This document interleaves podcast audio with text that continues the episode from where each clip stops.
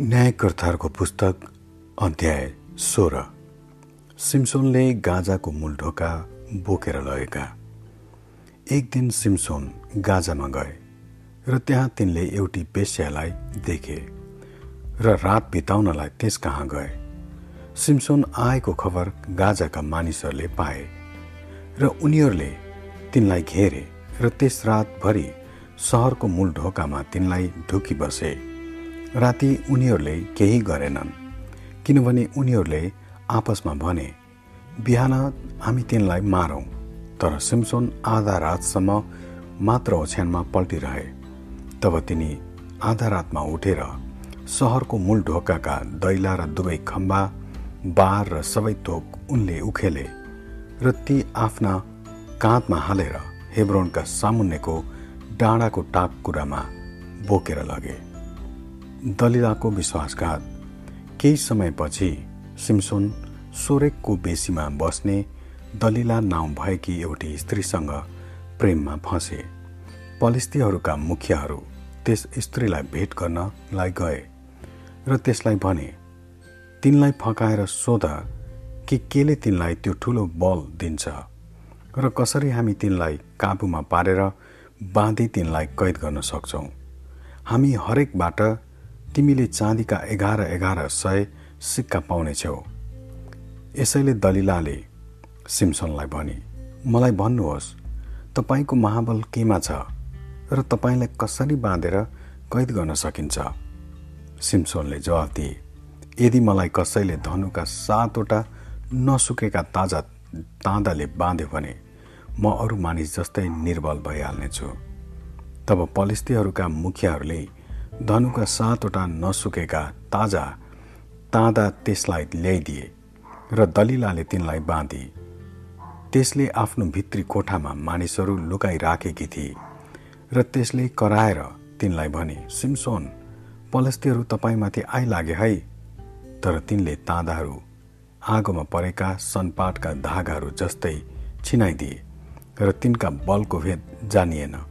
तब दलिलाले सिमसोनलाई भने तपाईँले त मलाई बेकुप तुल्याउनु भयो र मलाई झुट बोल्नुभयो यसपल्ट भन्नुहोस् तपाईँलाई कसरी बाँध्न सकिन्छ?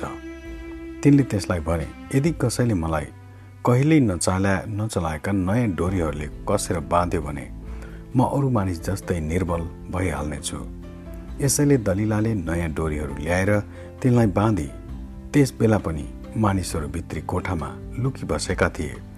तब त्यसले कराएर भने सिम्सोन पलेस्तीहरू तपाईँमाथि आइलागे है। तर तिनले आफ्ना पाखुराका डोरीहरू धागो जस्तै चुडाइदिए। फेरि दलिलाले तिनलाई भने तपाईँले त अझै पनि मलाई बेवकुफ तुल्याइराख्नु भएको छ र मलाई झुट बोल्दै हुनुहुन्छ। भन्नुहोस् तपाईँलाई कसरी बाँध्न सकिन्छ? तिनले भनिन् मेरा कपालका सातवटा लट्टालाई तानमा बुनेर किलाले कसेर राख्यौ भने म अरू मानिस जस्तै निर्बल भइहाल्नेछु। यसैले तिनी सुत्दा त्यसले तिनको कपालका ती सातवटा लट्टालाई तानमा बुनेर किलाले कसेर राखे अनि फेरि त्यसले कराएर भने सिमसोन पलिस्तीहरू तपाईँमाथि आइलागे है तिनी निन्द्राबाट जागे र तान समेत किल्ला उखेलिदिए तब त्यसले तिनलाई भने तपाईँ मलाई प्रेम गर्नुहुन्छ भने कसरी भन्नुहुन्छ? जबकि तपाईँ मलाई आफ्नो कुरा बताउनुहुन्न। यो तेस्रो पल्ट पनि तपाईँले मलाई बेफकुफ तुल्याउनु भयो र तपाईँको महाबल केले दिन्छ भने अझ बताउनु भएको छैन। यसरी त्यसले तिनलाई यी कुराले दिनहुँ पिरोली र हैरान पारे। यसकारण आफ्नो गुप्त कुरा तिनले त्यसलाई भनिदिए। तिनले भने मेरो कपालमा कहिल्यै छुरा लागेको छैन किनभने जन्मदेखि परमेश्वरको निम्ति अलग गरिएको म एक नाजेरी हुँ। यदि मेरो कपाल खौर्यो भने मेरो बल मबाट गइहाल्नेछ र म अरू मानिस जस्तै निर्बल हुनेछु। तिनले सबै गुप्त कुरा बताएका हुन् भनेर जब दलिलाले थाहा पाए तब त्यसले पलेस्तीहरूका मुखियाहरूलाई डाकी पठाए र भने झट्टै आउनुहोस्। तिनले मलाई आफ्ना गुप्त कुरा बताएका छन्। यसैले पलेस्तीहरूका मुखियाहरू आए र आफ्ना साथमा चाँदी पनि ल्याए। त्यसले सिमसोनलाई आफ्नो काखमा सुताए। र एकजना मान्छेलाई बोलाएर सातैवटा लट्टा खौरिन लगाए। यसरी दलिलाले सिम्सोनलाई काबुमा पार्न लागि अनि तिनको बल हट्यो। तब त्यसले कराएर भने सिमसोन पलिस्तीहरू तपाईँमाथि आइलागे है। तिनी आफ्नो निन्द्राबाट जागेर भने म सधैँ झैँ आफैलाई मुक्त गर्नेछु। तर परमेश्वरले तिनलाई छोडिसक्नु भएको छ भने तिनलाई थाहा थिएन तब पलिस्तीहरूले तिनलाई पक्रे। र तिनका आँखा निकालिदिए र गाजामा ल्याए। त्यहाँ उनीहरूले तिनलाई काँसाका साङ्लाहरूले बाँधे र झ्यालखानमा जाँतो पिन्न लाए। तर तिनको कपाल खौरिएपछि फेरि बढ्न लाग्यो। सिम्सोनको मृत्यु। पलिस्तीहरूका मुखियाहरू आफ्नो देवता दागोनको निम्ति एउटा ठुलो बलिदान चढाउनलाई र त्यसको अघि खुसी मनाउन भेला भए। उनीहरूले भने हाम्रा देवताले हाम्रो शत्रु सिम्सोनलाई हाम्रा हातमा सुम्पिदिनुभयो। मानिसहरूले जब सिम्सोनलाई देखे तब कराउँदै आफ्नो देवताको स्तुति यसरी गर्न लागे। हाम्रा देवताले हाम्रो शत्रु हाम्रो देशको अभिशाप लासले हाम्रो देश भर्नेलाई हाम्रा हातमा सुम्पिदिनु भएको छ। जब उनीहरू साह्रै आनन्दित भए तब उनीहरूले भने सिम्सोनलाई झिकाओ र त्यसले हामीलाई तमासा देखाओस्। तब उनीहरूले सिम्सोनलाई झ्यालखानबाट निकाए झिकाए र तिनले सबैका सामुन्ने तमासा देखाए।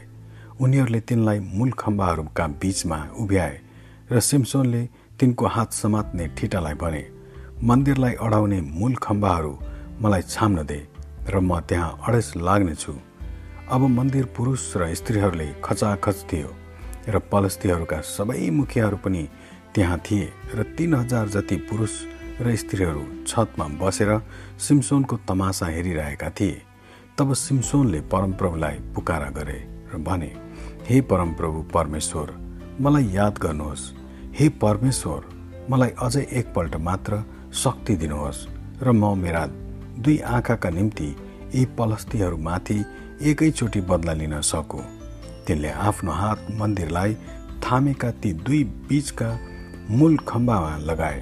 अनि दाहिने हात एउटामा र देब्रे हात अर्कोमा बलियो गरी राखेर तिनले भने मलाई पलिस्तीहरूसँगै मर्न दिनुहोस्। तब सिम्सोनले आफ्नो सम्पूर्ण शक्ति लगाएर ठेले र मुखियाहरू र त्यसमा भएका सबै मानिसहरू माथि मन्दिर ढल्यो। यसरी तिनले आफू मर्दा बाँचेको समयको भन्दा धेरै मानिसहरूलाई मारे। तिनका भाइहरू र तिनका बुवाका सबै परिवार तल गए र तिनलाई लगेर तिनीहरूले तिनका बुबा मानोहोको चिहानमा सोरा र एस्तोलको बीचमा तिनलाई गाडे। पलिस्तीहरूको समयमा सिम्सोन बिस वर्षसम्म इजरायलका अगुवा भए। आमेन।